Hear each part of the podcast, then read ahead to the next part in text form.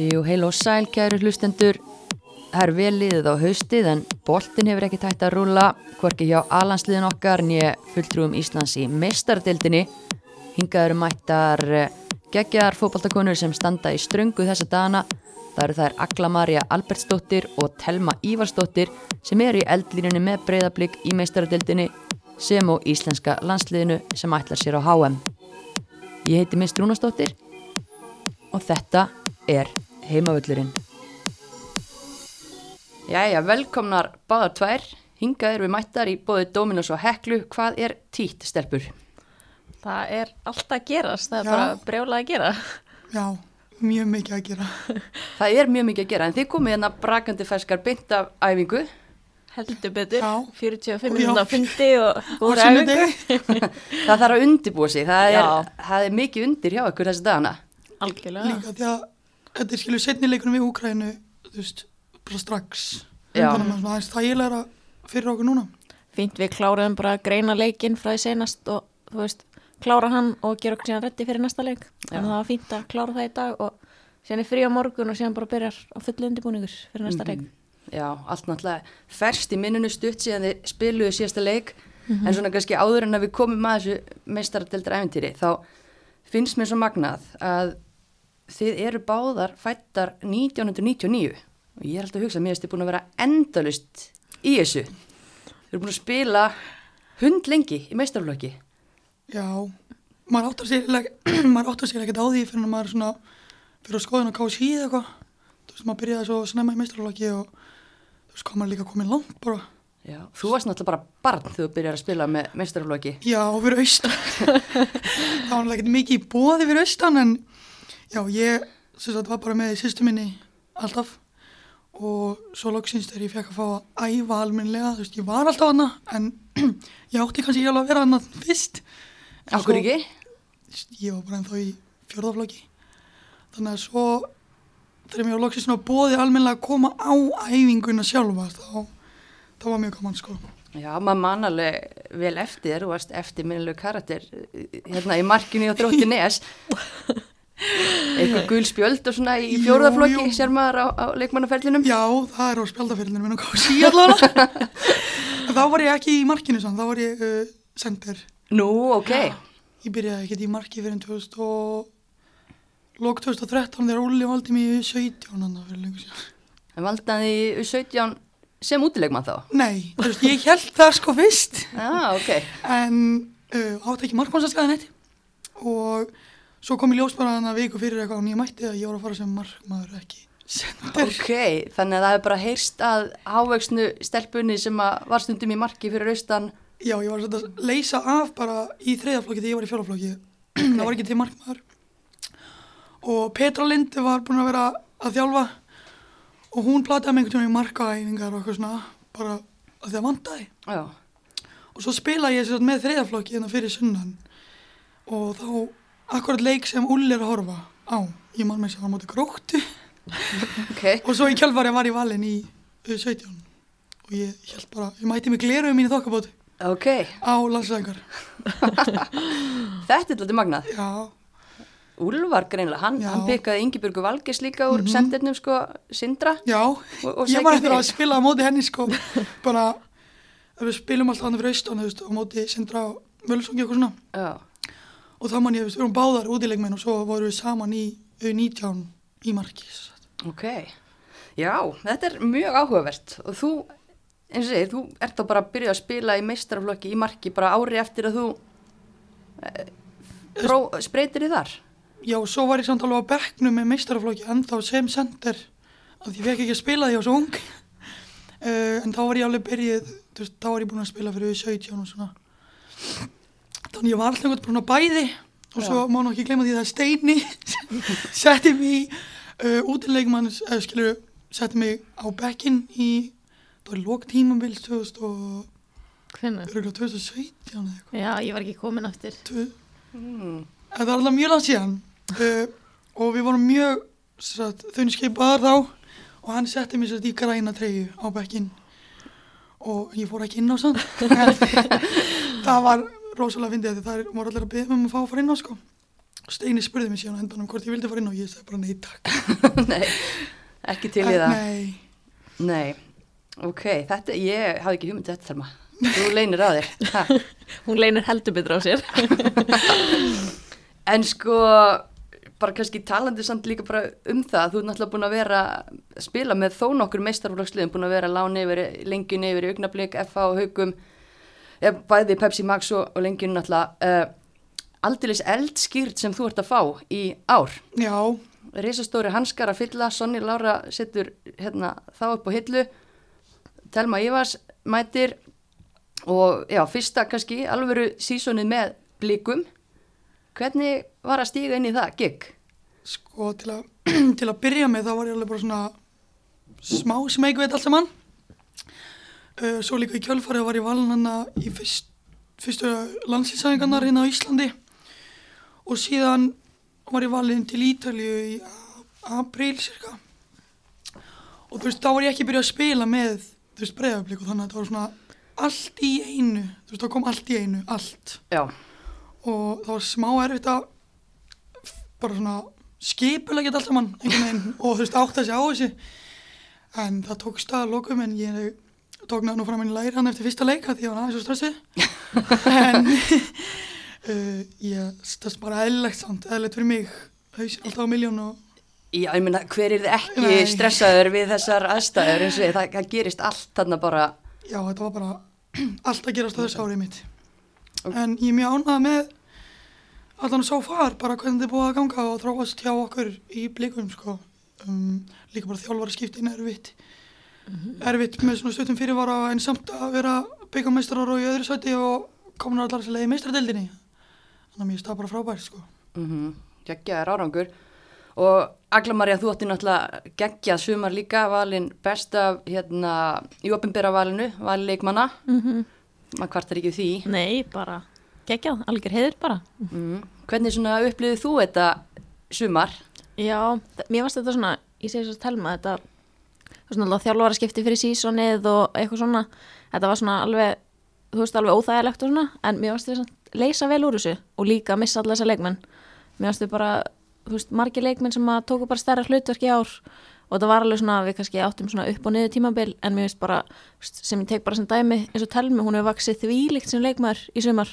Hún hefur greitt svona þrjú ár þrjú sumur á því að spila þetta sísón svo hún er búin að bæta sér svo mikið þannig að við erum búin að fá óksla margt út úr þessu líka þessu sumri. Mhm. og þess að Telma segir, veist, þrátt fyrir sem er fullt af leikmenni sem eru að bæta sig þá er á sama tíma verður við byggameistarar og náum sem árangri í meistaradeldinni þannig, mér veist einhvern veginn ekki klúppurinn sem slíkur getur ekki litið á þetta nema bara jákvæða mögum, sko. Já, ég meina, já, algjörlega þið takið, þið missið í rauninni bara af einum titli þannig laga, þetta Já. var það kannski titillin sem að ykkur langaði að haldi í og allt það, en, Já, en svona, með við allt þá hljótið að vera bara ansi, ansi sáttar. já, þetta er bara mjög gott, sko. Maður svolítið fútland í byrjun eða þú veist, þegar við föttum vorum ekki að fara að vinna í Já, já, auðvitað, ég ætla ekki að segja að maður hafi ekki verið svektur en svo svona eftir á þegar maður fór að greina þetta hans betur og átta þessi á því þú veist við erum svona alveg búin að gera flotta hluti. Þú veist það glimtist alveg sérstaklega nýstari viku hjá okkur. Hvaða viku? viku annað þegar við varum búin að tapa. Já, það var ekkert sérstakt að öngum það var alveg góð vika kemur í, í bylgjum, það skellur alltaf á sama tíma svona. Já, Já, já, en þetta fyrir, fyrir klálega í reynslubankan og, og hérna bara, þú veist, eins og meistara deildin, það er líka eitthvað eitthvað hjúts. Þú náttúrulega tókst þátt fyrst með stjörnun einhvern tíman fyrir. Langalungu. já, ekki? já, jú, það er alveg ansið langt síðan, maður er komið ágætis reynsli í þessu en þetta er alveg svona að fara í riðlakeppninu og mér er það alveg svona sérkapitali sko, að vera einhvern veginn að spila svona marga leiki og vera bara í hörku prógrami langt fram í desember sko, þú veist, við erum raunverulega bara, þú veist, þetta er alveg bara eins og að vera atvinnumæður á Íslandi. Þú veist, við erum, við erum að fara út með breðabliki spilum síðan heimaleik og fyrir síðan út með landsliðinu þannig að þetta er alveg bara full vinna sko. Ég þetta að velta þið fyrir mér, sko, hvernig er það? Ég meina, þið eru náttúrulega ekki atvinnukonur. Nei, Hvað- einmitt. Vinna skóli, ekkert mál að fá frí. það er, það er meira en að segja það sko. Þú veist, það er alveg erfitt að halda mörgum boltum á lofti sko. Þú veist, þetta hefst yfirleitt að lókum en Þetta er alveg mjög krefandi, ég held við getum báða sagt það. Já, mjög krefandi sko. Já. Hvað eru það að gera með fótboltanum? Ég er að klára mentaskólan, þannig ég er bara í fullum dagskólan frá 84. Þú ert í, ég veit ekki hvað mörgum áfengum sko. Átta áfengum. Já. Okay. Um, það gengur vel svo far, ég ætla ekki að jinxa, Nei, nei.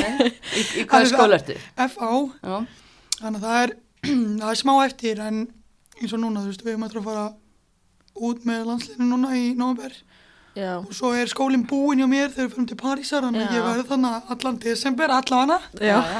En skólinn hjá mér er alltaf búin að taka mjög vel í það og ég get ekki veist, ég er búin að fá leifi fyrir öllu. Þó að raunmætingin sé ekki neina, en þá er, það er með mætingu svona yfir höfuð þegar maður fær leifi, sko. En, en þetta er mjög erfitt, sko. Líka bara, einmitt, maður kemur heim, tekur upp á töskunni, svo maður byrjar að setja töskuna aftur. Já, þú, veist, sko. þú ert ekki búin að, eða, það- þú ert ekki búin að ná einhvern veginn, tími líka svo hratt. Já. Æfingaveikana er bara búin og við erum bara að leina eitthvað annað. Þetta ári er bara búið að líða eins og, Já, já. ég veit ekki hvað sko. Mm. Mjög hratt.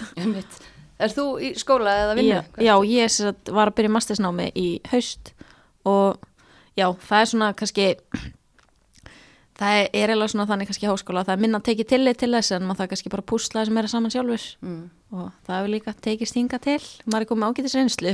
Já, þetta er alveg sagt það. Og þið náttúrulega búnar að vera einmitt, lengi í meistaraflósbolta, lengi í yngri landsliðum, allansliði, þannig að þið ljóta að vera öllu, öllu vanar, er, kemur að púsli. Jú, jú, er svona svo- bæði og. Já, sko fín að púsla þessu saman en heimilislífin, ég veit ekki alveg með það sko, hjá mér allan Það kemur kannski einhver smá döðupunktur í janúar eða eitthvað, já, já, já, ég held að já, það gerir það kemur ljós. En hérna, það er einhvern veginn alltaf gerast hjá blikum þegar við vorum að tala um þjálfaraskiptin fyrir tímbilið, mm önnur þjálfaraskipti núna -hmm. í miðjumóti í raun.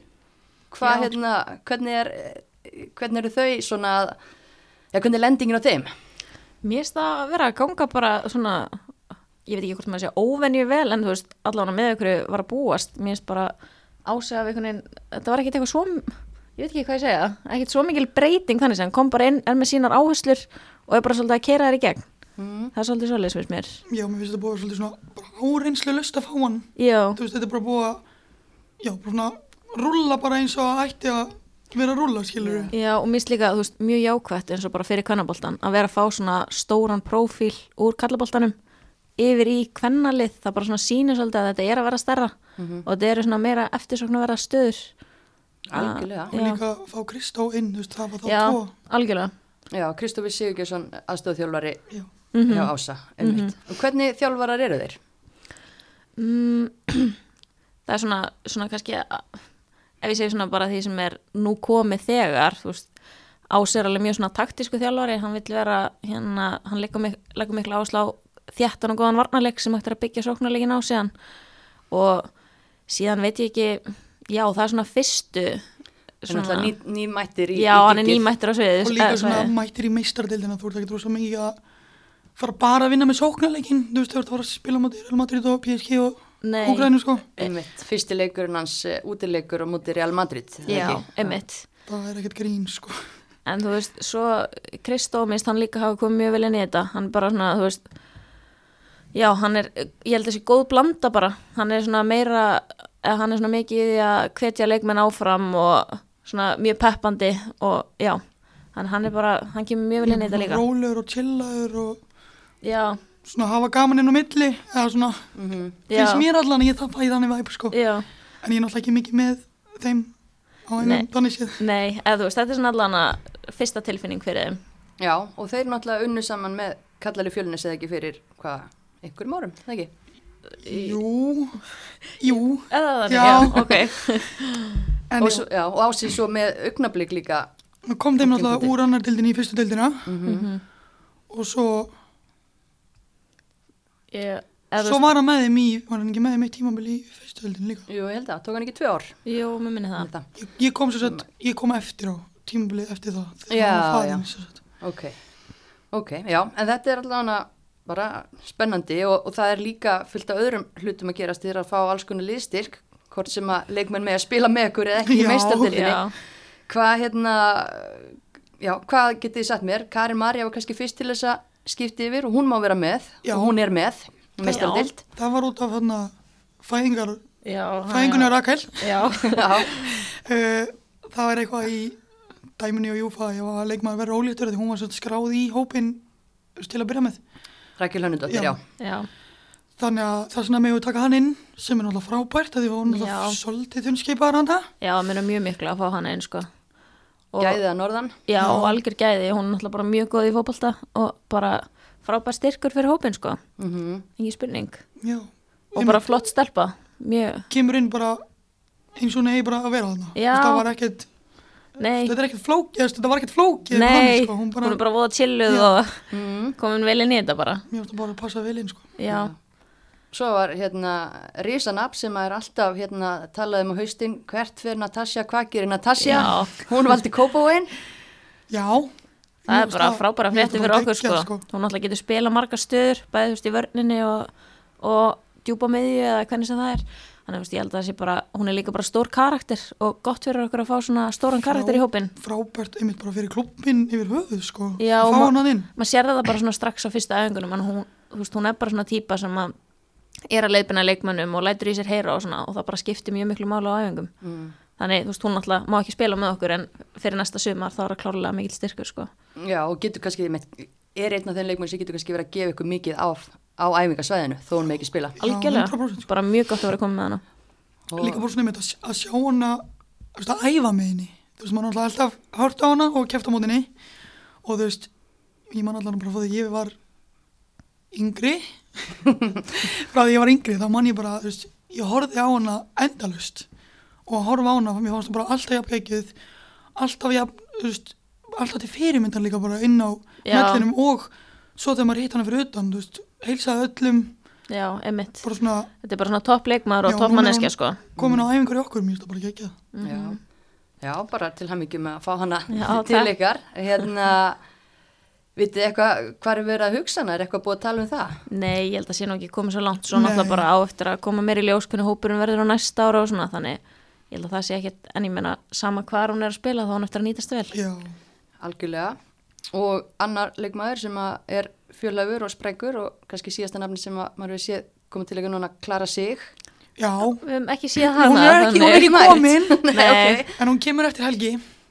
þannig já, Nei, ég jú. veit að við ekki spila á mótinni Nei, hún kemur, hún kemur í næst hún kemur það er ekkert ekki, hún kemur eftir Úkræni úkrænleikin, sem sagt, mánudaginn, já, Fyrir eftir hvernig þessi þáttu kemur út. já, já, Hún er væntaleg. já, já, Svo náttúrulega líka bara, þú veist, hún er náttúrulega ég mann þá, uh, og er að flytja í bæinn, þannig að þú veist, líka bara svona, kannski geta að drífa sig í því, veist, það er búin bara november, sko, og við erum á fullu. þá í þessu þannig já, ég veit svo sem ekki meira en bara þegar maður hefur spilað á mótinni sko. þannig að það verður bara flott að fá fleiri, leik, fleiri leikmenn inn í hópin sko.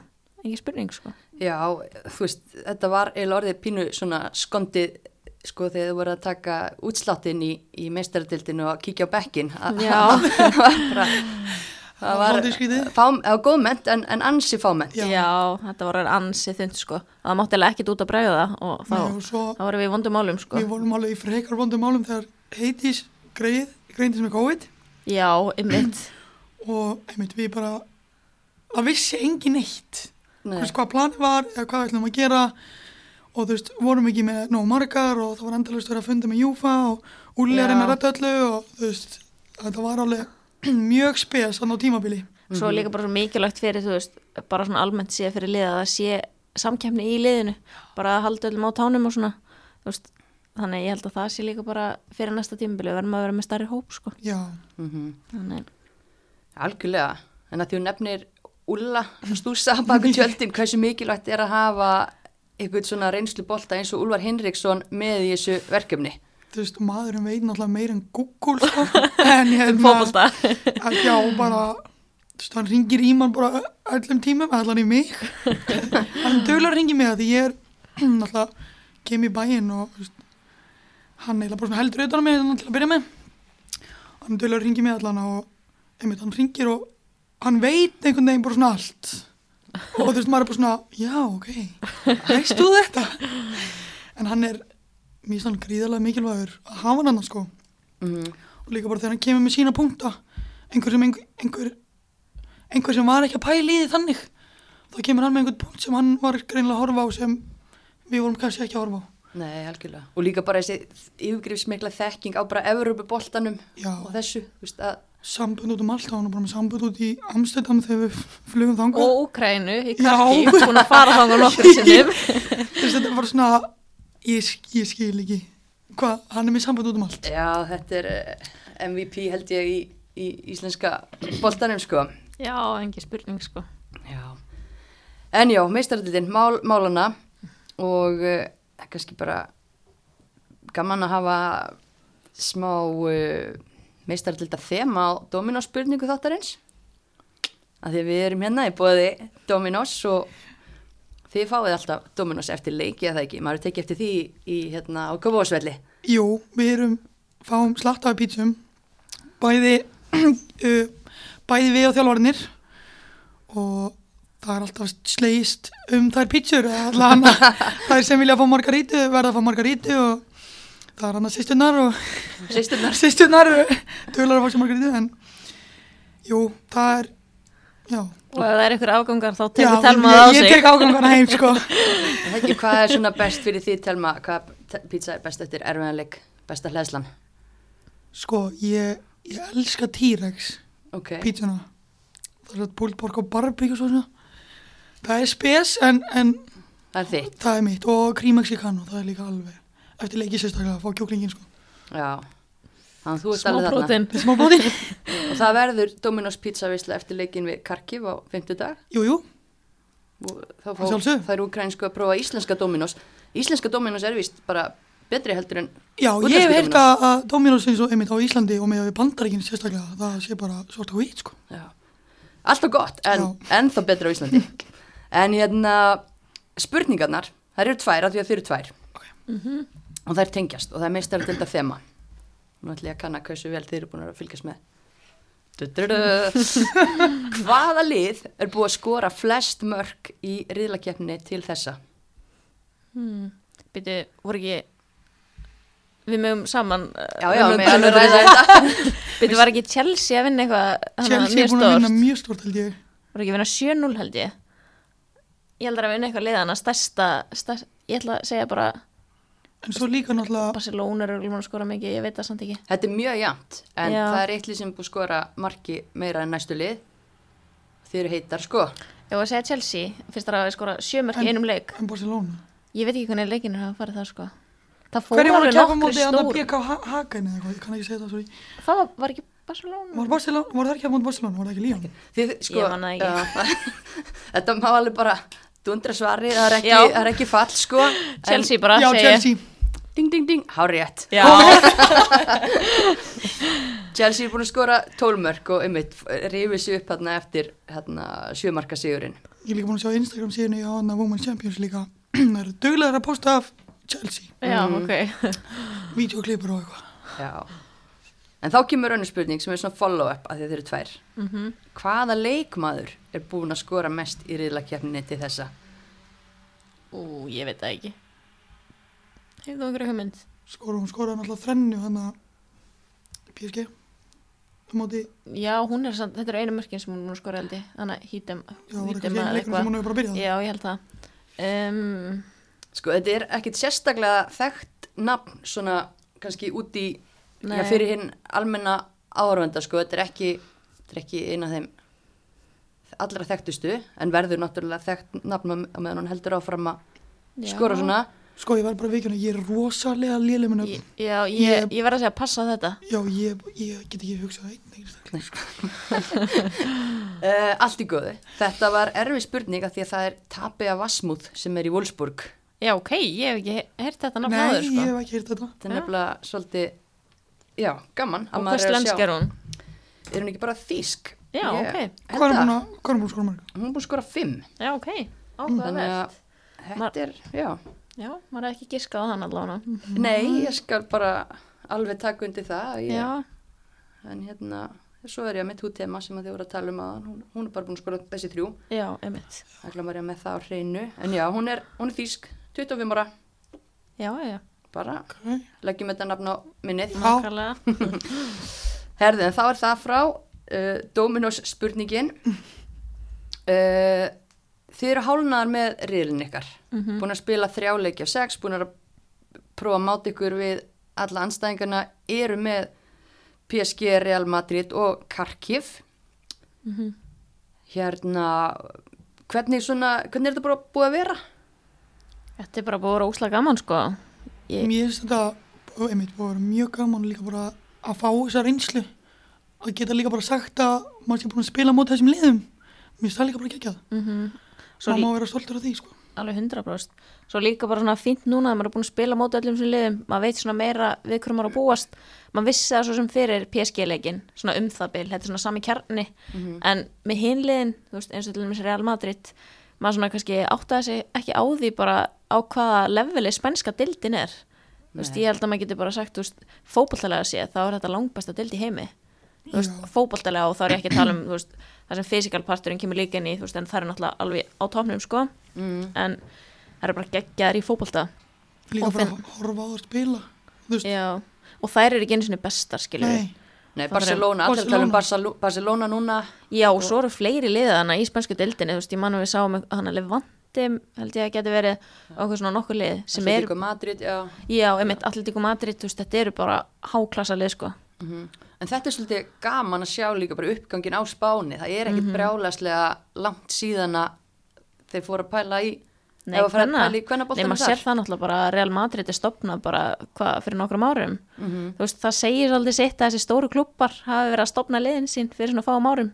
Já. En klálega það verður einhvern veginn að gera, þannig bara mjög jákvætt. Endalust að tækifærum náttúrulega þessu íþrótt sem er að vaksa hraðast Mhm. í heiminum, knaspinu kvenna en líka bara þú veist að maður horfir á yngri landsliðin þú veist spænsku liði núna síðustu ár þetta er bara því líka framfærir Já, það eru bara svo geggjaðar í veist, já, með boltan bara með boltan og leikskilningur og allt hraðin þetta. og tæknin þetta er bara finna sér svæði, þú veist, þær eru mjög góðar í þessu sko, ekki það, það eru þetta alveg hægt að verjast um betur heldur en við gerðum en þú veist, þær eru bara þetta eru háklassa leikmenn. Maður sagði þannig að var einhver, eins og annars við spilum á móti, ég man ekki alveg hvað hann heitir, en þú veist sem skoraði um, nei, ekki ekki, hann, ekki sendirinn danska heldur, hún er, hún er mér kannski upp á axlir og hún er að spila hann á miðunni en hún er bara, hún er svo fljót hún er svo kvik og góð í að finna sér svæði að það er svo erfitt að ráða við svona leikmenn. Mm veist, en hún er ekki með þessa fysikal eiginleika sem að kannski þú veist, kæminni ennþá lengra. En þú veist, þetta segir svona mér stætt að vera svona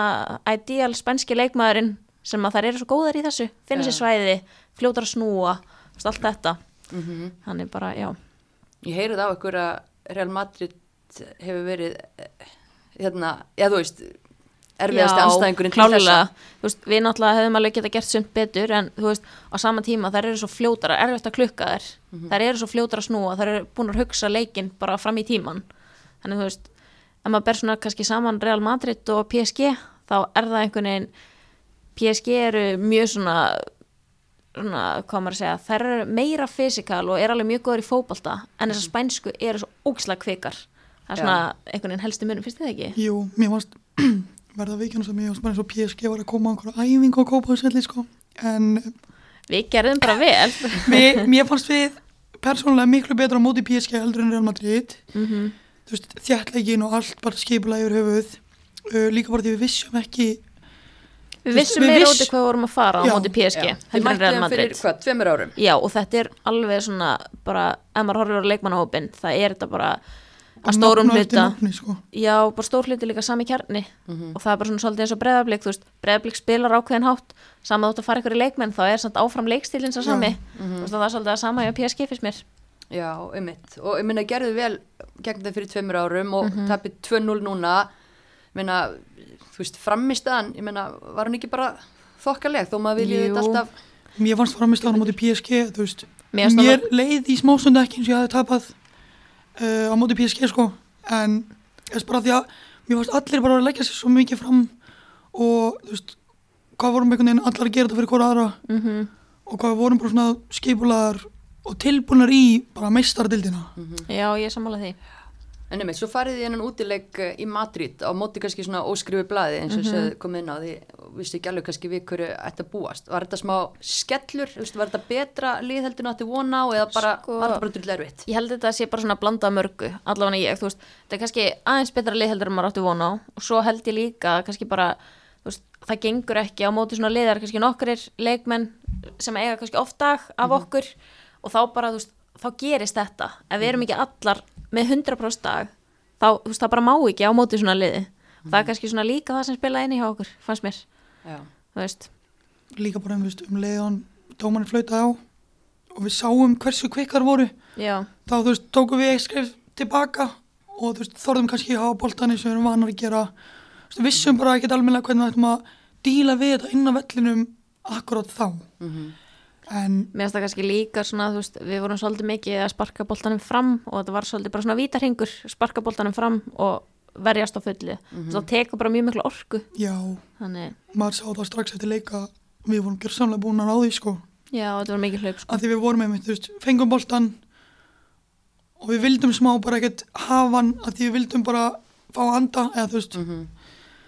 en við reyndum, jú, jú, við reyndum. En og það má ekki gleyma því, við erum bara að spila að vera á Kópásvelli Já. í desember að ég held og okkar það, já, það er svolítið annað, Já. annað mál sko það eru kannski ekki vanar hérna fjóru gráðum, það verður Nei, og kaldara í desember. kannski haglið að snjó Já.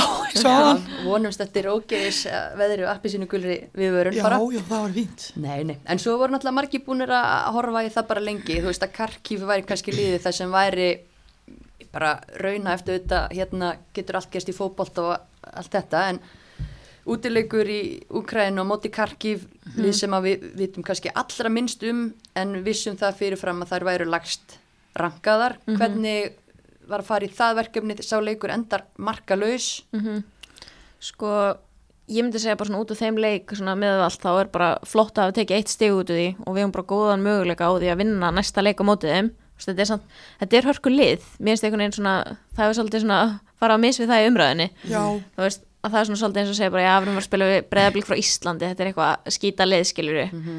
það er alls ekki þannig með bæði okkur og Já. Hanna, en ég veit ekki, svo náttúrulega líka bara, þú veist, þetta var alveg ágætis ferðalega þannig út, hvernig ferðuðust þið? við sem sagt, hérna, flugum til Amsterdam. já, Það sem var með sambönd? Já, Ajax. uh, uh, flugum þangað, fórum á æfingu þar og gistum þar. mm Flugum síðan með þarna, já, fórum með engaflugvel, já, frá Amsterdam til Úgrænu. mm Og tókum æfingu þar Mm. og síðan bara og svo daginn eftir að leikur. Já, ok. Hvernig var veðrið í Úkrænu á þessum tíma árs? Herru, það snjóaði þannig í smá stund. Já, Þetta var bara eins og Ísland. Já, eins og heima. já. Já. þetta var bara heima. Það var svona skjól.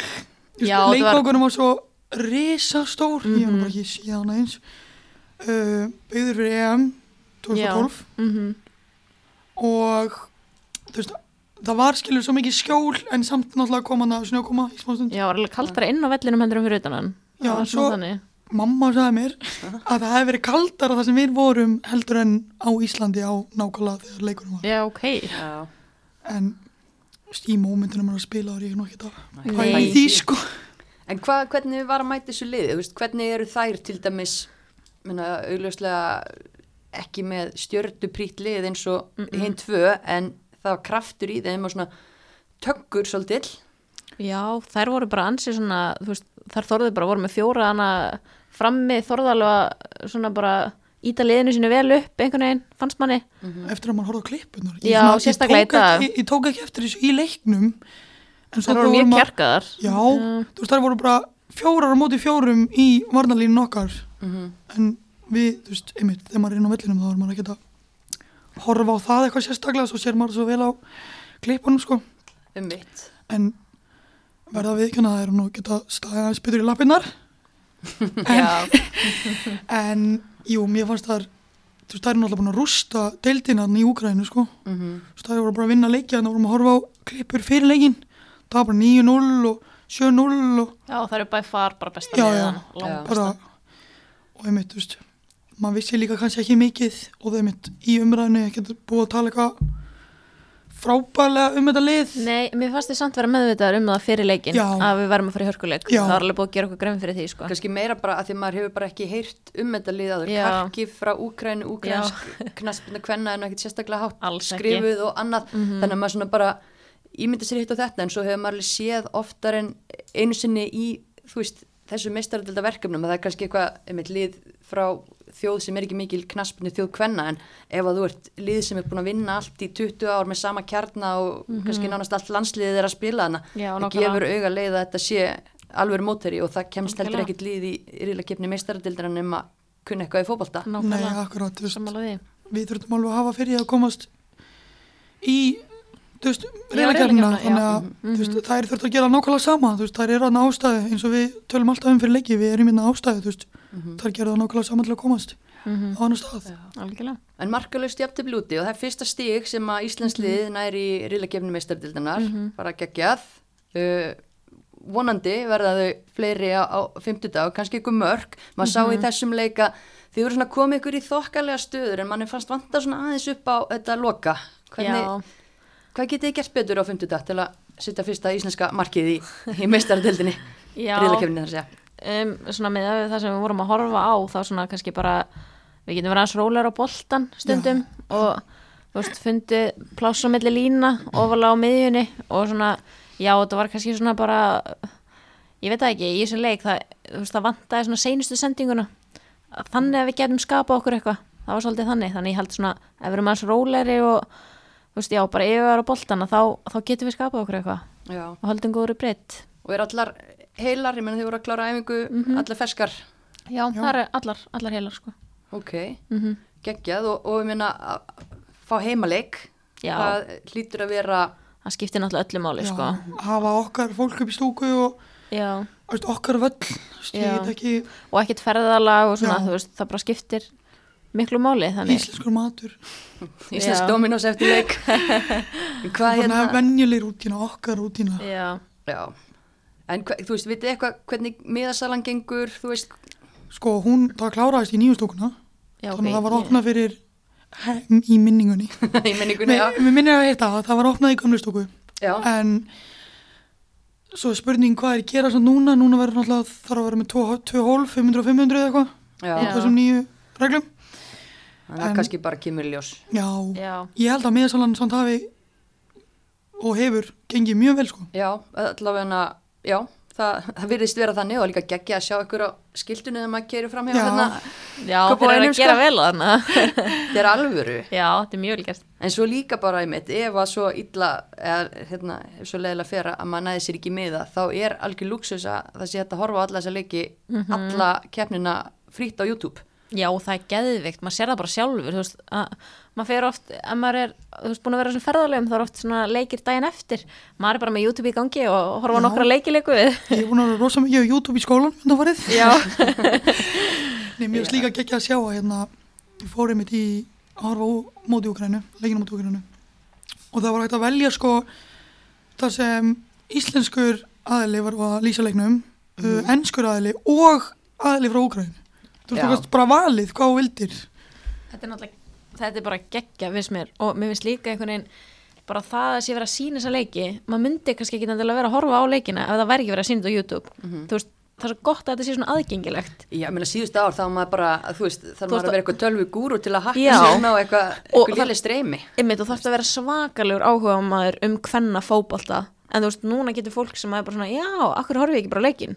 Þú veist, sem við viljum alltaf fá þannig fólk af því að það horfið síðan örglega vonandi áfram á næstu leiki. Algjörlega, þú veist ekki hvað er að gerast, hvernig getur þú fylst með því, þú veist, þetta er Nákvæmlega. bara... Líka bara svo amma afi okkar skilur, þú veist, Já. sem, þú veist, kunna allir að fara á YouTube, sko. já, Þú veist, fólk kann samt ekki að fara að leita að einhverju streymi og út vírusa maður sér það bara sjálfur og maður svona, ó, æ, veistu, ég nennis ekki. Mhm. þú veist, þegar maður þarf að fara í þann pakka, sko. Og eins og var, þú veist, áður en að stöðu sport byrjaði að hérna, sína Mhm. Þú veist, þá var maður eitthvað svona reyna að horfa á leikinni gegnum eitthvað, þú veist, ég veit ekki svo hvað. já, um mitt Þú veist, og, maður nefndi ekki sjálfur en samt er maður að, þú veist, já, samt Maður er maður æfa, in í sko, þannig En svo sér maður bara um leið og einhverju taka sér til, hvað sem það stöð fyrir sport eða þetta fyrirtæki sem ég mann nú ekki hvað heiti sem kefti hérna réttin til að sína YouTube. Leið og þetta er í bóði, mm þá er eftirspurn. ég er líka bara að maður sér 100%. hvað margir er búin að horfa á þetta YouTube, þú veist, þetta eru alveg mörg þúsund áhör, sko. Þú veist, fólk er að horfa á þetta.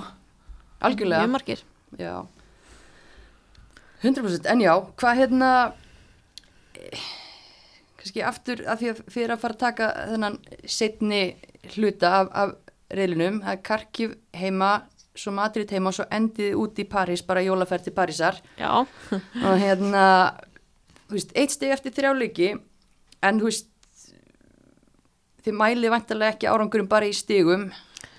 Nei, þú veist, auðvitað gerum við það ekki, við tökum alltaf framistöðan út úr þessu, en þú veist, eins og fyrir næsta leik, það er bara klálega markmið ef við ætlum að ná okkur í þrjú steg út úr þessum leik, sko, þú veist, en á móti svona hinum liðanum, þá gerum við okkur alveg grein fyrir hvað erum stattar, en við vitum samt líka að við eigum góðan séns, þú veist, þetta er, við byrjum 0-0 og ef við höldum stöndum vaktina vel í vörninni, þá er alltaf séns á að fá færi, þannig við fyrum alls ekki inn í leikin og vitum að við séum að fara að tapa. Það er alltaf séns í veist, bara íslenska kallalandsliði skilur og fleiri hafa bara sínt það sko. Algjörlega, þannig, það er bara já, þannig já, við, þú veist og líka, minnst bara að fá Real Madrid hérna heim, eins og ég sagði áðan. Minnst það að vera svona stærsti svona, það skiptir mjög miklu máli Mhm. að vera að fá þær heim. Í desember. Já, í desember, þú veist já, ég held að það sé margir ja, mjög spenta að sjá þetta Real Madrid lið líka sjá spænst toppklassa fótboltalið og hérna verður örgulega góð mæting á Kópavóðstöld líka. Já. þá ég trú ekki öðru. En hérna, kannski glinda að spyrja þið áðan Agla Marja, því það er alltaf verið að tala eftir öll tíumbil, ætlar Agla Marja Já. í atvinnumennsku og, og allt þetta. Uh, var meistaradildin einhver vendipunktur fyrir þig að þú myndir taka annað tímabil með blikum eða varst alltaf bara sáttu að vera á Íslandi farið í mastersnám hérna og sjá svo til? Já, þú veist, um, það var nú ekki bara meistaradildin, ég, hérna, mér finnst það bara að vera spennandi, þú veist, ár framöndan hérna heima og ég var að klára skólan, þú veist, í vor. og ég vildi klára hann BS-námi, mér finnst það svona vera líkilatreið fyrir mig persónulega að klára hann. Og svo náttúrulega bara kemur í framhaldinu, þá bara kemur meistaradildin út desember og það er bara eitthvað svona verkefni sem að er bara draumi fyrir mig og sérstaklega með, veist, uppaldisfélaginu mínu, þannig mér finnst það vera eitthvað, eitthvað sem ég hef ekki viljað sleppa. Ekkit annað sem að hefði heilla mig frekar eins og ég við horfið þú veist á miðju tímubili sumar að fara eitthvað annað heldur en að spila með bregðarbliki mistradeldinni þannig mér finnst það bara, bara gegja sko. Hvernig ertu samningsbundi núna? Um, ég er með samning út næsta tímabil. Út næsta tímabil? já, Já, þannig að það er ekkit, kemur ekkit surprise í janúar eitthvað eftir meistaradildina. við bara þetta það- bara sjáum til hvað gerist maður veit aldrei. Nei, kemur pólitíkusin alltaf fram já, maður verður að gera það. Já, já. Það, það er satt, en Telma, ég var að lesa reyndar eitthvað um að þú erir með flestar vörslur í meistaradildinni, Vistu búin að sjá það? já, ég sá það. Að ég sá það nú bara óvart sko en hérna uh, það er náttúrulega búið að vera svolítið mikið að gera. Um, minnst kannski síðasta leik fannst mér. Mhm. já, greifstand vel inn í með sérstaklega að sjá það með þú veist á klippunum áðan. Já, þú veist alveg, já, þar fenguð hann á nokkuð góð færi sem var Já. vel sko. en það var náttúrulega ég hef aldrei upplifað að leika eins og á móti Real Madrid Nei, það var brjálað að gera hjá þér þá. Er það ekki skemmtilegast? Sko, Jú. þó, þú veist, ok, bursið frá úslitunum að vera í marki og vera bara búf, Jú, það voru líka allir bara eitthvað, þú stóð sér svo vel. Og ég bara, já, takk, en ég tapaði svona 5-0 Já, einmitt. en ég horfði ekkert mikið á tölunar, ég var alveg ánað með mínu framistu þrátt fyrir 5-0 tap. En svo þegar Ási kom með hana tölfran eftir þann leik þá áttu þær sko, við áttum þrjú skot á markið þær áttu 30 og eitthvað Já, einmitt. Ég held samt þú veist þess að telma sér, ég held að sé samt svo mikið líkilatri að grípa í það jákvæða þegar maður er, lendir í svona skell að Já. maður verður einhvern veginn bara að horfa okkur einasta smáatriði og bara, heyrðu, ok, þetta var vel gert. Þú veist, í þess að vera að fara eitthvað, þú veist, berja sér niður, þá verður maður bara að vera klárið næsta leik, sko. já, þú veist, Á- það var stutt í, næ- þú veist, stutt í næsta verkefni Já, meira, landsinsverkefni hann eftir Madrid Já, uh, en einmitt eins og Hildur Anton sagði við mig hún var, hafði ágjör að ég væri ómikið að pæla í tölunum, Já, en að hún talaði vel og lengi við mig um að ég mætti alveg vera ána með þetta þrátt fyrir tölunar að þær voru alveg tölulegar að koma til mín og segja mér ég átti frábænleik þrátt fyrir 5-0 tamp já, já, bestileikur sem ég spilaði í marki, ég tapaði hún 10-0 sko. það er bara stundu þannig. en líka bara leikur um átti pískið þar áttin alveg nokkur færi þá líka. En ég áttaði mig ekki á því ég var búin að verja svona mikið og ég bjóst ekki við því að þú veist, það lítur líka alveg að vera mikið að gera hjá öðrum liðum. Já, í öðrum hérna reilum Já, en þú varst líka góða móti Karkif og, og helst hreinu þar. Já, og það er alltaf gaman að þessu því þetta er ekki plana, þetta er skemmtilegt tvist. Að því að í dag er sunnudagur. Og hvað gerist á sunnudeginum á heimaöllinum? Jú, það er alltaf valin leikmaður vikunar og það treystu við á okkar diggju fylgjendur og við hendum alltaf inn spurningu hver er leikmaður vikunar og af hverju og það er mjög gaman að segja frá því að það er engin önnur en þú, Telma Jósdóttir sem Ok. er leikmaður vikunar Ok, geggjað. og bæða, bæði flott framistæða í Úgrænu og svo landslýsvalið og svo náttúrulega kórunar góða viku og enda hérna í Já, heimavellinum heldur betur. þetta er ekki amalegt Nei, mér finnst þetta bara geggjað. já, en sko þú fær flottan gjafapakka frá Better You Ok, en þar sem að þetta var ekki undirbúið og ég var bara tjekkað á þessu áður en að við íttum hérna á play þá hérna býður glaðningurinn bara kannski þá til að 50 dag eða eitthvað En- þið fáið samt að sjálfsögðu stúlkur hérna Better You D-vitamin spray Þetta er ekki slæmt, ég fekk svona einhvern tímann og það er búið, þannig að þetta er bara flótasta áfyllingina. Er það ekki? Jó, þetta er mjög gott. Þetta er nefnilega alveg nöðsynlegt í íslenska veturinn Alveg klárlega, alveg snill. Íslenska árið bara ég. Já, líku við það er ekki. en þú veist, já, bara Já, fyrir. spraya þessu upp í sig, tekið þetta líka í klefan og, og hérna spraya upp í liðið fríska upp á mannskapin fyrir átökin sem eru framundan já. það veitir ekki af en hérna, bara til hammingi með þetta telma Takk fyrir. Já, til þessu- Takk. vel að þessu komin hmm. uh, já, hvar vorum við þetta var bara smá útudur hérna við vorum, já, að tala um blessameistaradeildina og þið eru að fara, já hörku heimalekarna á fymtudaginn er að skrifa söguna í öllu sem þið gerir þannig að vona bara að gangi vel á, á fymtudaginn að kannski fá mark. Einmitt, fá mark og reyna að taka þrjú stig, það, þá erum við heldur betur að skrifa söguna. Mér varst líka bara núna eftir vídeofundin, nú tala um, tala um hérna vídeofundin hændalegt, góður 45 mínúnar, en hérna, mér varst bara, þú veist, að horfa á þetta svona klippum og sjá, þú veist, við áttum miklu meiri möguleika heldur en við heldum, þú veist, inn á vellinum og það var miklu meira pláss einhvern veginn út um allt, en við bara sáum það ekki. Mhm. og núna verið að spila á móti þeim aftur strax, ja, strax, bara þeim aftur, að þá svona einhvern veginn getum við einbytt okkur að því verkefni alveg bara. Mhm. veist, og einmitt lögðum búin strax upp með að æfingu í dag hvað við ætluðum að gera og hver pælingin var á bakvið þetta allt saman eftir vídeofundin Já. Gekkja, ég að ég er mjög spennt. Ég ætla hérna fjárfesta í lambúsettu og mæta með góða hanska í, í stúkuna. Við lofum veistlu, það er bara svo leis. Já, ég er bara, ég hef ekki vona á neinu öðru, ég er alveg handvisum það. En hérna, er það eitthvað að fylgjast með hinum riðlunum fyrir utan á YouTube eftir, degi eftir leik?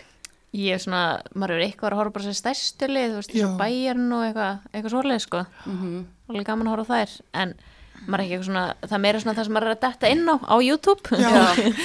Svona leikið þannig. bara Instagram síðan hjá þarna Women's Champions League kemur reglulega inn þar þú veist hverju voru leikmenn leikmenn hérna Leikjana player svona- of the match Já. Já, og svo líka bara gaman, mist, talandi um þetta, þú veist, á Instagram líka, er að gera vel þessi klúppar, þessi stærstu klúppar, Mhm. að þú veist, eru bara með vídeoupptökum en bara á leikmönnum og það er ókslega gaman að fylgjast með þessu. Og svona sér þetta líka þar svolítið, líka svo svona það maður sá Juventus spilaði móti Chelsea á aðaleikvanginum hann Já, í Juventus. Mér stóðum bara geggjað. Að sjá það þú veist þó sé smá brengla að við séum að okkur finnst það geggjaðar að fá að spila á alvellinum en þú veist að Já. sjá þú veist og áhörandametið og eitthvað þú veist, Mhm. mér finnst bara svo geggjað að sjá hvað þetta búið að þróast og hvað er einmitt, þú veist, við fórum í myndatökunar þú veist hvað var lagt mikið. Já, það var mjög vel gert, það er myndatökunar, veist- það var alveg bara, það var svo mikið hugsað um þetta. Og þetta er svo flott. Sjónvarsréttin og, og Júfa heimasíðuna eða? já, jú, Já. þá sem sagt, var þetta bara líka þessi viðtölu og eitthvað, þá voru við, sem sagt, voru við fyrst með einhvern svona rauðan bakgrunn og eitthvað, svo voru að taka bara eins margar myndir og við vildum, Ok. taka allar þessar prófílmyndir á okkur, síðan voru við að gera eitthvað, hvað, eitthvað TikTok voru eitthvað að gera, það voru uh, Nokkrar. nokkrar valdnar í það. Hverjar fór í það? er, það fór, fór uh, ég sko veit að, já, fórst þú ekki? jú, ég fór en ég, Ég ekki við. ég er ekki á TikTok, sko þetta var hann að ég veit að Ásta tók ykkur já, dans. Ásta tók góðan dans, sko, Hildur Antons, já, Kristín Selma, það voru eitthvað nokkrar hana, Hafrún. Ekkert af þessu nöfnum kemur neitt og nei, einmitt, svo, mér minnir að hafa verið Taylor? Já, ég, já, hún fór líka já. og, og Tiffany, Ég er endar alltaf sendt telmu í TikTokið sko. Hef sett byrtu Já, Birta og Telma þær voru góða saman. Ég hefur ekki þóra að gera neitt sko. Hvaða, hvaða? ég er nú búin að gera nokkuð TikTok með byrtu og núna og tíu og græn og svona. Já. Drepa tíman, Hvar, hvar sér þjóðin þessi TikTok? er, það, það sér það ekki það er læst. Það er læst, það er ágætt. það þarf fólk að hafa saman byrtu bara. Já, Já heyrðu, en hérna landsliðið, það er ekki bara meistardeldar álag á ykkur, það er líka frí í skólum, fyrir landslið. Uh, hópur tilkynntu fyrir helgi þegar að fara að keppa við Kýpur í undakefni HM, en svo skemmtilegt tvist, æfingarleiku við Japan í Hollandi. Já Hvað, hérna? Þetta er, mér finnst það geggjað að fá annan leikana inn í gluggan mm. það er svolítið lítið að vera að spila bara á mæti kýpur hana og líka bara eins og Steini var minni með að segja við til um að leifa fleirum að spila þá er þetta eiginlega bara, þú veist eins og hann gerði eiginlega í senasta verkefni þetta voru eiginlega bara svona tvö, eða þú veist 11 leikmenn sem spiluðu, eða þú veist, sitt hvort leikin þetta er alveg gott að fá svona leiki, sko. Mm En okkur í Japan? þeir eru sem sagt að þær eru að spila á móti Hollandi í einhvern æfingarleika eða eitthvað svoleiðis. Þannig þeir raunverulega höfðu bara samband við KSI held ég og vildu bæta við leikum á Íslandi Okay. fyrst að við erum bara að spila einn leik í þessum glugga ég held að það veri eitthvað svoleiðis já, Það er mér- geggjað. mér minni ég að hægt það Já, þeir hafa samband þetta er líka alveg næst, þetta er langt ferðalag til Kýpur fínt Já. að byrja í Hollandi og fara síðan áfram Mm Hvað fáið þið marga daga í Hollandi? Æfing og leikur eða? sko ég er ekki alveg viss, fyrir við ekki út eitthvað svona 2000 annan, sko, ég held að segja eitthvað svoleiðis ég veit ekki neitt sko Nei, Ah, mér ég- minnir, minnir að hann hafi sagt samt annarkort 2001. eða 2002. já, það er um það leiti þannig ég er ekki alveg klára á nákvæmum dagsendingum sko. leikurinn er 2005 2015 já, þannig við fáum hann einhverja nokkra daga ámörgulega tvær engar sko, fyrst mér Já. líklegt, mjög mjög líklegt já, Já. það er mjög fínt En þetta eru töluvert ólíklið. Vitið eitthvað um Japan? Hafið spilað við Japan áður? já, ég spilaði hana 2018 á Algarve köpminni mig þá spilaði ég mútið bara hörkulið sko, Mhm. mjög góðar ég man ekki alveg nákvæmlega hvernig það eru en, en ég held að það var alveg mjög töff leikur sko. það var alveg að þetta var mjög ólíki leikir Já. Kýpur og Japan Gekk náttúrulega mjög vel á móti Kýpur síðast. Já. Það er 5-0 og það lítur að vera að krafa á já, þrjú stig og einhver mörg úti þó að mm. já, auðvitað, þú veist, það er það náttúrulega en svo líka bara þetta er allt, alltaf samantökan þetta er allt jafn, mik mikilvægi leikir og eitthvað svona skiljuri en auðvitað eigum við að hana, taka þetta lið, ég held að það sé alveg svoleiðis en það náttúrulega erum við að spila hann út í Kýpur, ég veit ekki hvernig hitin er á þessum tíma og eitthvað svona, en við auðvitað setjum við kröfu okkur að taka þrjú stegi í þessum leik, sko mm Hafið þið komið til Kýpur?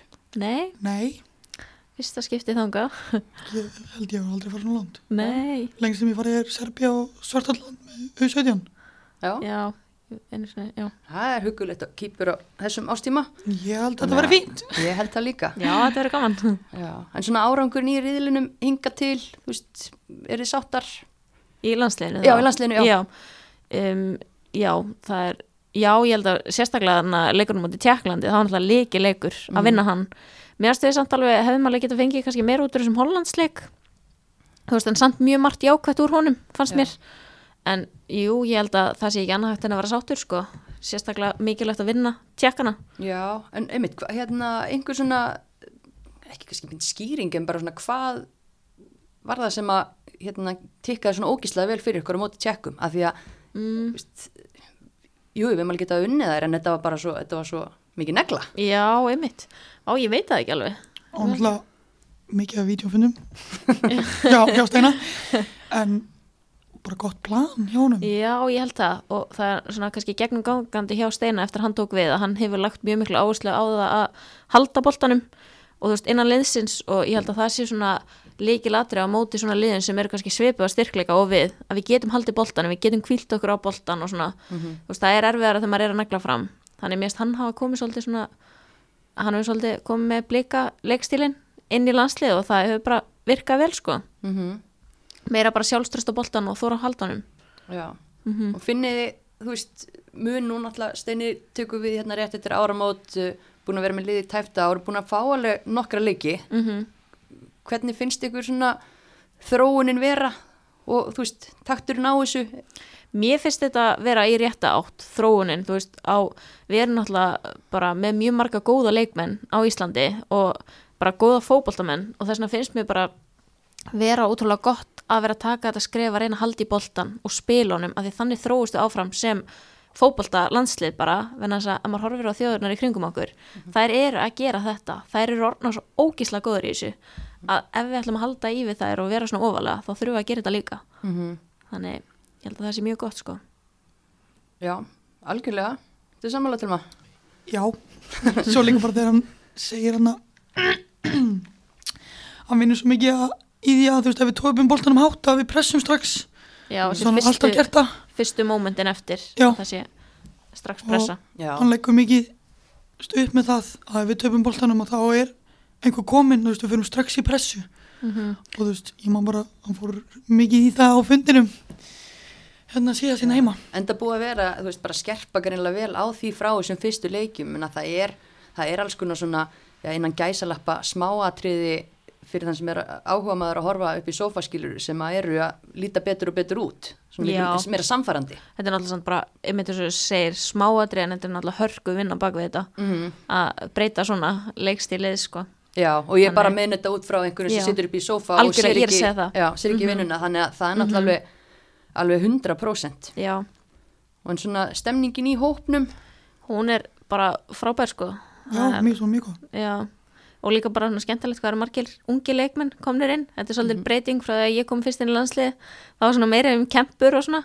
Það er stolt það- af einn yngst. Já, það var svolítið svo leis Fyrstu svona, en geggja að vera komin með svona, þetta er skemmtileg blanda af svona reynslu miklum og bara ungum og sprækum Já, og líka svona smá rótering, einhverjur inn, einhverjur út og, og greinlega bullandi samkefni. Já, það er alveg klálega mjög mikil samkemni liðinu sko Það er engin spurning Mhm. Þannig á það svo sem að vera á landsliðskalibari Ég held að það sé eðlilegt Já, þannig viljum við allan að hafa það. mm. En hérna, já, er, þetta eru þá loka verkefni þið farið kýpur 30. nóf og svo tveir í mestaradeild í desember, þið fáið sumafrí hvað, januar. Já, já, ég held, jólin og síðan í janúar Er það hérna, svona síðbúin teneferð eins og allir Íslendingar skelltu sér í, í september? ég er búin að panta mér panta mér ferðið þenni en það er reyndar yfir hérna áramótin en ég kem heim hann að 7. des ég held að við verðum ekki eins og við byrja að ræfa þá sko Áramótin? 7. jan Já, segi ég var um mitt, já. Já. Já nei, við, við fáum nú allavega mánuð og svo það verður bara ekkit verið rætt um þetta sko. Það sé líka bara misjátt eftir liðið byrjar örgulega að æfa fyrr það eru náttúrulega sumi leikmenn sem hafa ekki verið að spila mikið og svona, Mhm. þannig, en ég hugsa að þeir sem hafa verið mest í þessu að þeir fá lengra frí Já, allir þú til tene með telmu? það er ekki planið núna Kemur ljós. já, en ég veit að það eru nokkar í liðinu það er einhverjar að fara hana til tenni Heidís og Karen og Vigdís Lilja og Allt að gerast. já, það er hálft liðið að fara til tenni En að framlengja í París, vera í París um já, jólinn, það er það ekki búin að gera það líka já, sko. það er mjög margir þar líka. Ok, það er gott, ég er ána með ykkur, það þarf að hérna, gefa sér tíma til að njóta líka eftir svona átök. já, það er verðskulda, verðskulda frí eftir þetta ár sko. Ég er líka bara þú veist það er svo margir að koma til Parísar. Já, það er vist bara, var byllandi salaðan í einhverju hópferð og, Já, já, plús- og full, hún er full. Já, og svo er náttúrulega ótrúlega margir fóreldrar, er ekki jú, mjög margir fóreldrar að fara út. til Parísar, já, Já, já, og- blikar um að hópferð.